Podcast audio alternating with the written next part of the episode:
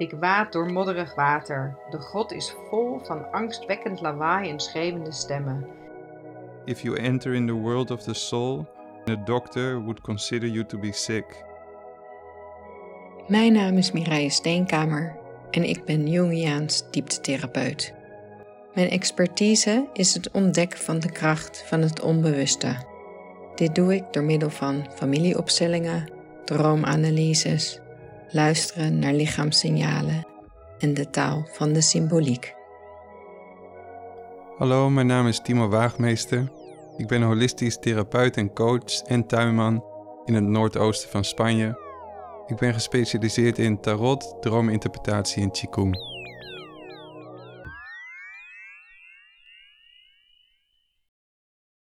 Vandaag gaan we hoofdstuk 5 van het Rode Boek van Liber Primus van Carl Gustav Jung behandelen. Met als titel De helle tocht de toekomst in. Wauw. Wat is de wauw? Ja, die titel. Want ik heb het, eh, het boek dus in het Engels. Dus de titel is elke week weer een verrassing. De helle tocht de toekomst in. Ja, en wat is die in het Engels? Nou, eerlijk gezegd eh, kan ik je dat niet vertellen, want het boek is zo groot dat ik kan niet en de podcast opnemen en het boek op tafel hebben. Mijn bureau is er niet groot genoeg voor. Dus Ah, ik heb het boek alweer opgeborgen. Maar het is wel zo, het is waarschijnlijk iets van The Descent into Hell of the Future of zo. Ja. Ik wil wel het spits afbijten met een persoonlijk verhaal. Eh, met betrekking tot dit hoofdstuk en vooral het eerste deel van het hoofdstuk, of het eerste, eigenlijk het eerste alinea. De, nou ja, de eerste zin begint met: In de volgende nacht was de lucht gevuld met vele stemmen. Een luide stem riep: Ik val. Anderen schreeuwden, verward en opgewonden daarbij. Waar naartoe? Wat wil je? Moest ik mijzelf met vertrouwen aan deze verwarring overgeven? Ik huiver, het is een ontzagwekkende diepte. Toen ik ehm, dit dus, het hoofdstuk begon te lezen, en ik las over de, de luide stemmen en het geschil wat hij innerlijk ervoer, was voor mij echt wederom, wat ik wel vaker heb bij Jong, een thuiskomen. Ik heb namelijk echt al, weet ik veel hoe het nou, ik wou zeggen, ik, wou, ik heb al 30 jaar stemmen in mijn hoofd. En toen dacht ik, wauw. dat, nou, de herkenning van it's okay, want zo voelen ze voor mij ook altijd. Dus ze voelden voor mij altijd van, nou, ik heb stemmen in mijn hoofd, it's okay, ze willen me iets vertellen. En ehm, ja, hier, ben- hier ben ik al mijn hele leven ook mee, mee bezig. Met wat willen ze me dan vertellen? Ehm, dus daarom raakte dit hoofdstuk mij ook zo. Omdat ik een soort van ja, metgezel ervaar. Die ook die beleving heeft. Hè, dus als ik zeg maar in het, hoe noemt hij het ook weer? De geest van het hier en nu. Hè, dus eh, Noem ik even. de mensen om me heen, of hè, die niet met het Jungiaanse bezig zijn, of die niet met zielenwerk bezig zijn, of nou, gewoon die anders naar dingen kijken, of nou, hè, het zielenwerk, laat ik het zo zeggen, Ehm, heb ik het verteld en is het snel naar, hè, je moet naar de huisarts, dat traject heb ik ook gedaan. Eh, je moet naar de huisarts, je moet naar een psychiater, je moet. ehm, ehm, nou, er klopt iets niet. Terwijl ik heb in die 30 jaar altijd gevoeld, die stemmen willen mij iets vertellen. Het zegt, het zegt iets over mij, over mij ten diepste, mijn ziel. En dat ja, vond ik echt eh, heel mooi aan dit hoofdstuk, om dat te kunnen herkennen. Ja, een, een, een reisgenoot die het herkent. Het lawaai van de schreeuwende, de, het lawaai van de schreeuwende stemmen. Nou, ik ken dat. En ik herken ook wat hij schrijft als ik er niet naartoe ga en het dus onderdruk, komt ook ergens in een stukje terug dat eigenlijk de stemmen alleen maar luider worden. Alleen maar, dat ze alleen maar harder gaan schreeuwen. Dus momenten dat ik, eh, niet alert. Of soms wil de geest van het hier en nu wil er gewoon niet aan. Hè? Of ben je er even niet ja, aan toe of klaar voor. Of nou, hè, dat zegt de geest van het hier en nu dan. Maar dan gaan die stemmen harder schreeuwen soms. Dus dan is het juist wel tijd om gewoon even rustig stil te zitten en te gaan luisteren of er naar te kijken of te horen of te voelen, te zien wat er komt. En dat was ook heel erg geruststellend dat ik, hè, dat ik in dit hoofdstuk las. Eh, het hoort bij het eerste, eerste deel.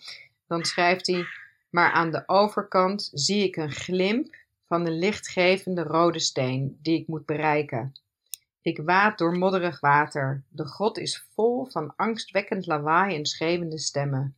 Ik pak de steen. Hij bedekt een donkere opening in de rots. Ik houd de steen vast in mijn hand, vragend, om mij heen turend.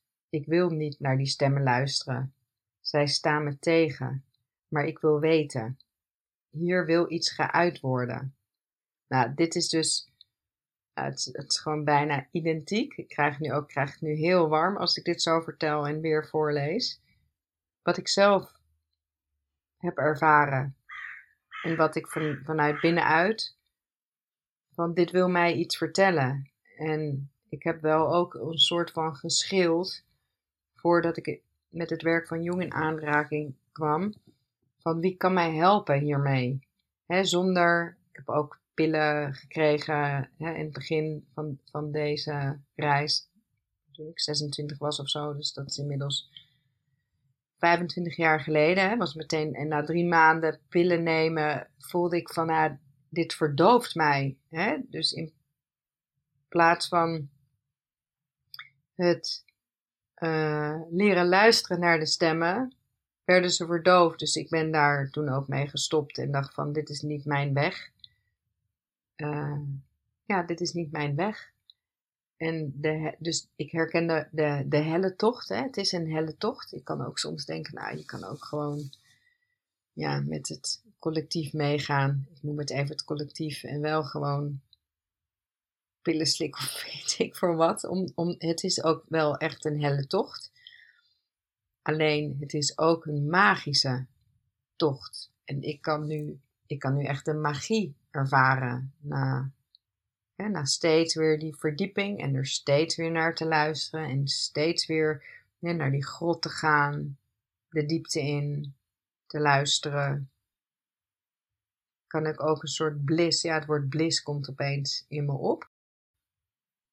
En als ik dat dan nu zeg, en we hebben het over hè, de reis naar de ziel, hè, wat we aan het doen zijn, toch wel met het rode boek, dan denk ik, ah ja, een soort van bliss, dan denk ik, oh, misschien is dat dan dat stukje dat je even die ziel aanraakt, hè?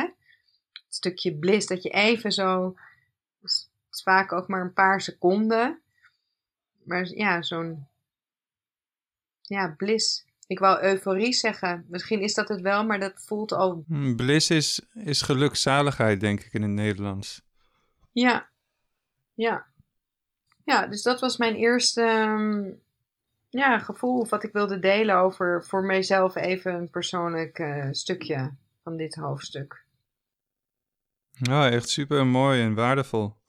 Want dat is uh, wat jij vertelt, dat is ongeveer inderdaad letterlijk wat erin staat. Ook wat je zegt over dat pillen slikken en dat de omgeving, dat die, nou, als je zegt dat je stem in je hoofd hebt, dat, daar, uh, dat je inderdaad naar de, de psychiater wordt gestuurd.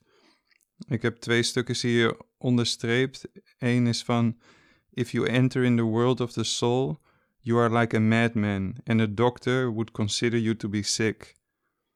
En ook dat hij zegt: When the desert begins to bloom, waar we het vorige week over hadden, toch? Over de, de woestijn, het vruchtbaar maken van de woestijn. Dat when the desert begins to bloom, it brings forth strange plants. You will consider yourself mad And in a certain sense, you will in fact be mad. En dan later schrijft hij nog over um, ja, hoe, het, hoe het christendom eigenlijk, doordat het dat, um, die madness heeft uitgebannen, dat het daardoor eigenlijk ook de, ja, de goddelijkheid kwijt is geraakt. Dat juist in de. Ik weet niet wat madness in het Nederlands is. Want, Waanzin. ah, De waanzin is goddelijk. hmm, Staat precies. hier. Ja, dat. Ja, mooi. Ik heb, ik heb exact die ook. Als je de wereld van de ziel binnentreedt, dan ben je zoiets als een waanzinnige. En een dokter zou jou als ziek beschouwen. Ik had nog wel in, in over dat christendom inderdaad. In de mate als het christendom in deze tijd de waanzin mist, zo ontbreekt het haar aan gewijd leven. En toen ging mijn gedachte uit naar het christendom nu. Het is natuurlijk honderd jaar later dan in de tijd dat hij leefde. Als je kijkt ook naar de kerk. Wat, wat is daarin gebeurd? Hè? Eh, ik vond het een mooie en een hele interessante omschrijving van de waanzin is goddelijk. En het christendom heeft het goddelijke, of het, het waanzin eruit gehaald, waardoor het niet meer goddelijk is. En dat ik dacht, wauw. Hè, werd de goddelijke waanzin een misleiding voor ons? Dus nou, de gedachte die bij mij kwam is, wat is het christendom daarin aan het doen? Maar misschien is dat niet voor nu, is dat een ander gesprek. Maar omdat hij natuurlijk ook vanuit een religieus gezin komt, hè, zijn vader als predikant, heeft het hem ook altijd bezig gehouden. hè? Ja, het religieuze, wat wil het religieuze ons bieden? Maar ik vond het zo mooi omschreven, de waanzin Hmm. is goddelijk. Ja, ik kan ook wel een, eh, een persoonlijk verhaal inbrengen. Misschien. Ik ben Leuk, namelijk ook ja. een tijdje waanzinnig geweest. En in die tijd dat ik, dat ik dus waanzinnig was, had ik heel erg. Ik was me wel heel, heel erg bewust van mijn waanzin. En ik, ik heb ooit in mijn dagboek geschreven iets in de zin van het feit dat ik weet dat ik gek ben, dat pleit voor mijn geestelijke gezondheid. Want in die tijd was ik hier, nou niet zo ver vandaan, in de berg. Ik was al, denk twee of drie jaar eh, aan het zwerven. En ik had heel erg het idee dat ik een, ehm, ja, een soort plek moest zoeken om een kasteel te gaan bouwen. En daar was ik echt heel erg van overtuigd. Terwijl ik ook wist van, ja, hoe kan ik nou in hemelsnaam ergens een kasteel bouwen? En ik heb geen land. En om een kasteel te bouwen, daar zou ik honderd jaar mee bezig zijn of wat dan ook. Maar toch ben ik gewoon trouw aan dat idee gewoon blijven zoeken naar een plek. En toen ik die plek eenmaal had gevonden, ook gewoon ja, bezig gegaan met bouwen. En uiteindelijk heb ik dat kasteel niet gebouwd, maar ik heb wel als het ware een luchtkasteel ehm, ja, verankerd of zoiets. Of het fundament daarvoor neergezet. En juist het, het Jungiaanse, en ik was toen heel erg eh, geïnspireerd door eh, Joseph Campbell over de, de Hero's Journey enzovoort. Juist het, ja, net wat jij vertelt, van als je zo'n soort boek als het Rode Boek of eh, dat werk van Campbell bij de hand hebt en je kan daar een soort een verbinding met iets groters doorleggen door te weten van oké, ik heb deze, deze waanbeelden en ik heb dit, maar dit is ook oké. Die waanzinnigheid is ook oké. En het feit dat ik dat weet, dat geeft me geruststelling dat ik niet eh, nou, mezelf zou willen laten opnemen of zoiets. Maar dat ik er gewoon eh, in, kan vol, ja, in kan volharden. En Jung schrijft het Mm. ook in dit hoofdstuk van I have sworn to you my soul to trust you even if you lead me through madness. En volgens mij is dat het waardevolle. En ook ja, de, de luxe die we nu hebben, dat we dit soort boeken van Campbell en Jung en nog zoveel andere, eh, nou, hedendaagse, maar ook gewoon antieke auteurs, dat we daar beschikking toe hebben en dat we ja, ons leven en onze innerlijke processen daarin kunnen spiegelen. Waardoor we ja, misschien enerzijds meer kunnen loslaten, maar anderzijds ook gewoon geaard kunnen blijven. In alle gekte in en om ons heen.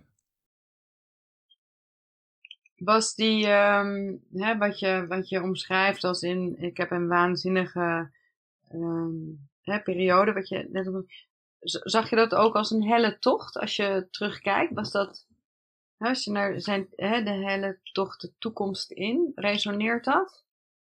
Ja, in momenten wel. Ik heb bijvoorbeeld, uh, nou, toen ik die plek die ik had gevonden, uiteindelijk waar ik mijn kasteel ging bouwen, dat was ehm, ja, een ruïne van een, van een oude boerderij. En daar heb ik de eerste, nou, ik denk half jaar, het enige gedeelte wat nog over was, dat waren de oude stallen. Dus dat zijn van die uh, met stenen gestapelde boogvormige ruimtes zonder ramen. Dus daar sliep ik in het, nou, ik sliep daar, maar ik was daar ook, als ik daar binnen was, als het regende bijvoorbeeld, in het pikken donker.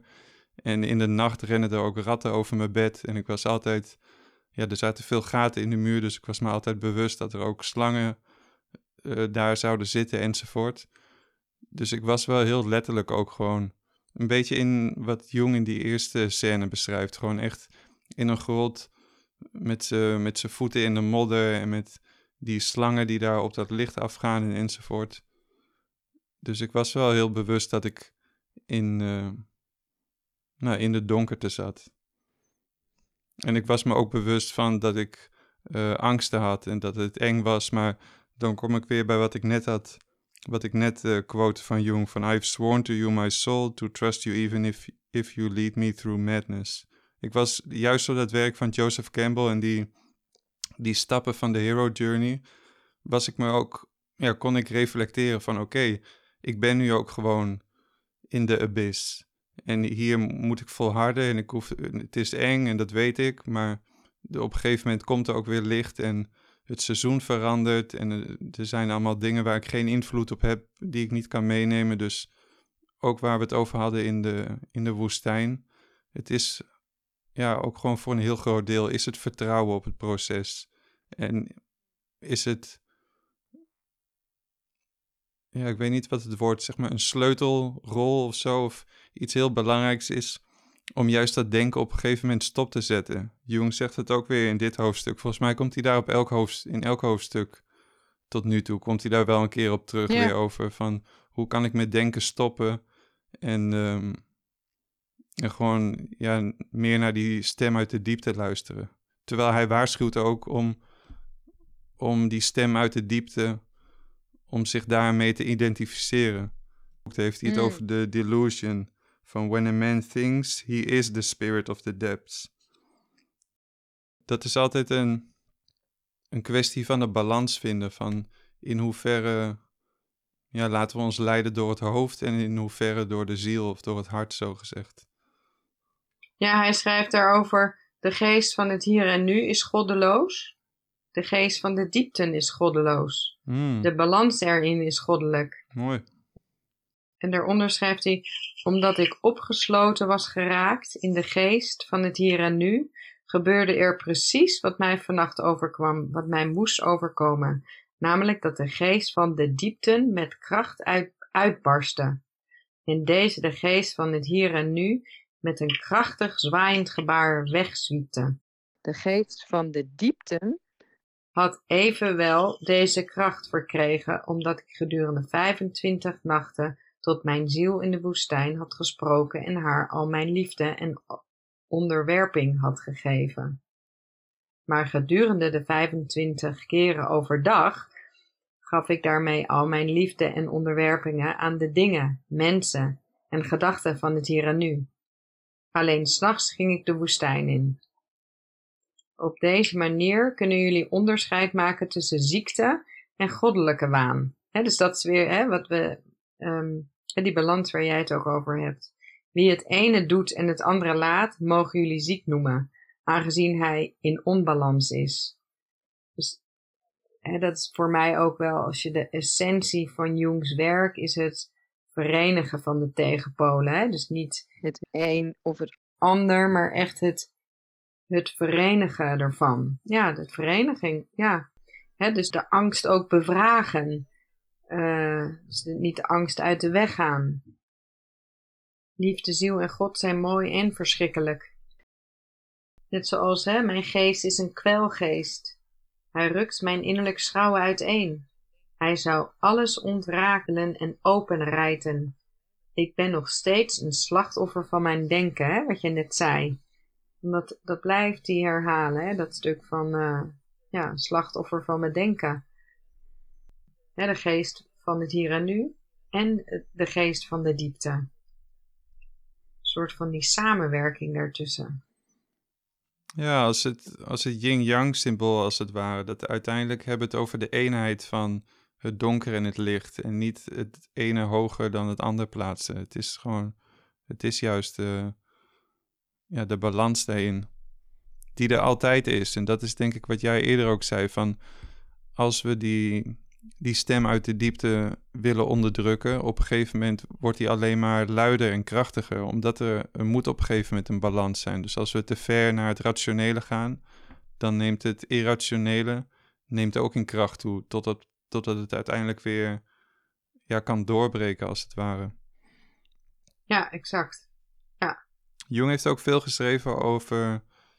ehm, weet je, nu kom ik niet op het woord. Maar misschien is dat een teken dat we er niet op in moeten gaan. Ja, ik kom niet op het woord. Oké, mijn oog gaat ook weer naar de oude, hè? die die in de woestijn ook eh, eh, naar voren. Hè? Dus het, het leren van de oude, die de oude ons hadden voorgeleefd in de gebeurtenissen. Hè? Dus het leven ontstaat niet uit gebeurtenissen, maar uit ons. Alles wat buiten gebeurt, bestond al. Het, en, en, en hij benoemt ook hierin, het, het gaat over hoe wij het aanschouwen. Ja, Wij scheppen de betekenis van gebeurtenissen. De betekenis is en was kunstmatig. Wij creëren de betekenis. Ja, vond ik ook zo'n mooi stuk. Welke creatie geef je er zelf aan? Deze, hij schrijft aan het eind van dat stukje, deze betekenisvolheid van gebeurtenissen is de verhevenste betekenis die niet in de gebeurtenissen als zodanig bestaat en niet in de ziel, maar deze is de God die tussen de gebeurtenissen en de ziel instaat. De bemiddelaar van het leven, hè, dus weer die balans, de weg, de brug en het er overheen gaan. ja, en over de verpersoonlijking van het, van het uiterlijk leven. Als het ware, dit resoneerde heel erg met mij, want ik, ja, ik heb dus dat concept van mythisch landschap. Dat is eigenlijk precies dat. Dat is gewoon het, het landschap en alle gebeurtenissen ehm verinnerlijken.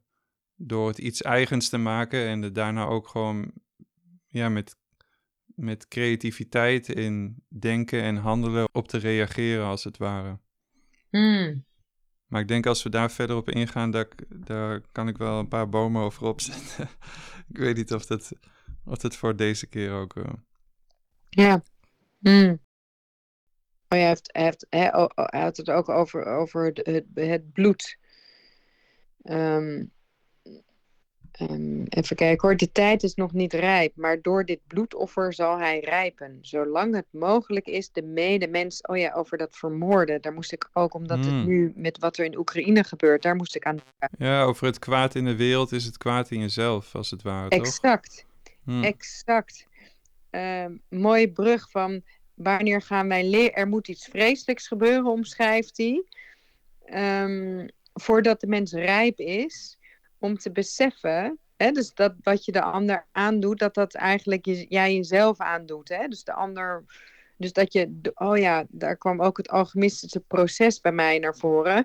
Hè, dus als je de ander doodt, hè, dus als je kijkt naar de oorlogssituatie, dat we nog niet rijp zijn om te beseffen, we doden de ander, terwijl we eigenlijk iets in onszelf te doden hebben, wat uiteindelijk weer opnieuw leven ehm, brengt. Hè? Dus er, er mag eerst iets, iets, iets doodgaan, voordat iets weer, hè, dat, dat is de circle of life, zeg maar, tot leven komt. Alleen we hebben te beseffen dat dat vanuit een binnenste, vanuit ons komt. En niet van buitenaf. Ik kan het wel eh, toelichten met, met, met een zin hieruit die ik onderstreept heb. Ehm, nou, er moet iets verschrikkelijks gebeuren voordat de mens rijp wordt. Anders wordt de mens niet rijp. Vandaar dat alles wat vandaag de dag plaatsvindt ook zo moet plaatsvinden, zodat er vernieuwing kan ontstaan. Aangezien de bron van het bloed, die na het afdekken van de zon met het doodskleed komt, ook de bron is van het nieuwe leven. Ja, mooi. Ja, als ik nog iets aan mag toevoegen, ik denk ja, dat de, de oorlog en de hel die we buiten ons zien en creëren, dat het inderdaad echt essentieel is om te realiseren dat we, wat je ook al zei, dat we dat gewoon bij onszelf kunnen houden en niet projecteren. Want juist omdat het donker en angstaanjagend en pijnlijk is, is de neiging om, dat, om, ja, om het kwaad en om, om alles wat, uh, waar we ons niet goed bij voelen, om dat uh, ja, op, op iets of iemand anders te projecteren.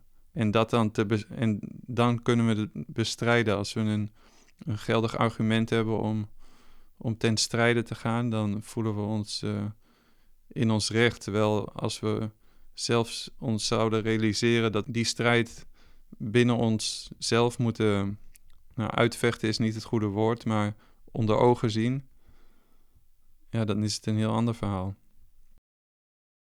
En zolang, waarschijnlijk zolang we die, die innerlijke hel niet kunnen doorkruisen, dan blijven we die hel in de buitenwereld ja, creëren waarschijnlijk. We zijn er allemaal onderdeel van, als collectief. En ook persoonlijk, ook onze, onze hel is ook gewoon in onze dag tot dag, in onze kleine, in onze kleine, hoe zeg je dat?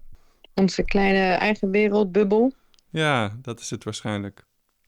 Want we kunnen wel zeggen van, oh, de, de situatie in Oekraïne is vreselijk en er is daar weer een bomaanslag geweest en dit en dat. Maar ook in mijn eigen bubbel zijn er uh, nou, af en toe bommen en granaten en donderslagen en uh, uh, strijd en strubbelingen, om het zo maar te zeggen.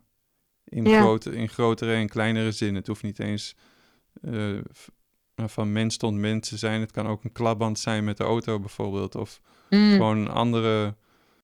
Ja, zijn dat niet allemaal uiteindelijk, hè, of allemaal hè, uitingen van het onbewuste? Hè, dus er, daar te leren kijken.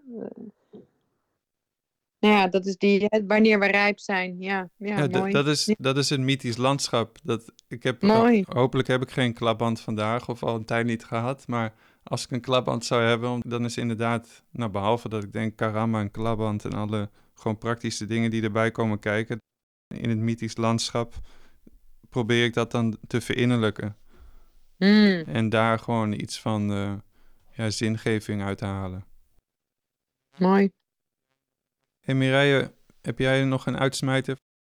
Nou, ik heb een uitsmijter in de zin een cliffhanger, denk ik eerder omdat ik een woord tegenkwam aan het eind. En daar heeft hij het over. Dat, nou ja, het gaat over het woord. Um, en even kijken hoor. Um, nou, ga ik hem toch even het laatste stukje helemaal lezen. Het heldhaftige in jou is het feit dat jij wordt aangestuurd door de gedachte. Hij zegt ook, hè, maar onze bestuurder is de geest van het hier en nu. Daar had ik zelf nog een, een aantekening van, zou die dat dan het ego noemen? Hè? Maar goed, dat, dat is misschien voor een volgende keer. Um, dat dit of dat goed is. Dat deze of die prestatie onontbeerlijk is. Deze of die beweegreden verwerpelijk is. Deze of die doelstelling in een niet aflatende latend werken moet worden bereikt. En dat elk plezier dan ook ten koste van alles op een onverbiddelijke wijze zou moeten worden onderdrukt. Dien ten gevolge zondig je tegen de onvolkomenheid. En dat woord dus triggerde mij. Mm. Onvolkomenheid bestaat. En zijn laatste zin is: niemand zou die moeten ontkennen. Niemand zou daarop moeten vitten of deze moeten overschreeuwen. En, en dat bedoelde ik met cliffhanger, hanger, hinger, onvolkomenheid. Ik ging het ook, ik ging het ook opzoeken. Nou ja, hè, wat, wat, wat is dat? een, een defect of een gebrek, een kwaal, een mankement.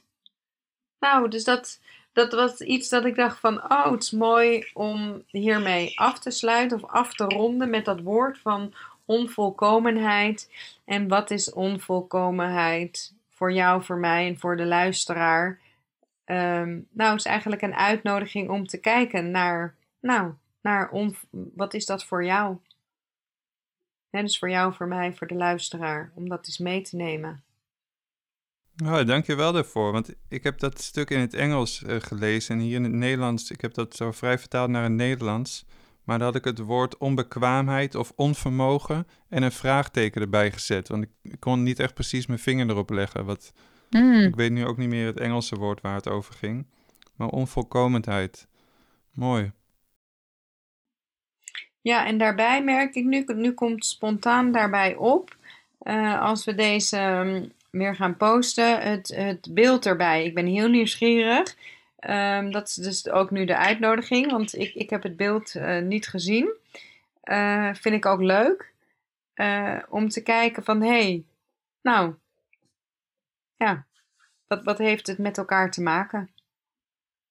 Wat, is, wat, nou, wat wil dat naar elkaar toe brengen, wou ik zeggen. Ja, dus ik ben nieuwsgierig. Ik ben nieuwsgierig naar onvolkomenheid bij mezelf. Hè? En ik ben nieuwsgierig naar het beeld.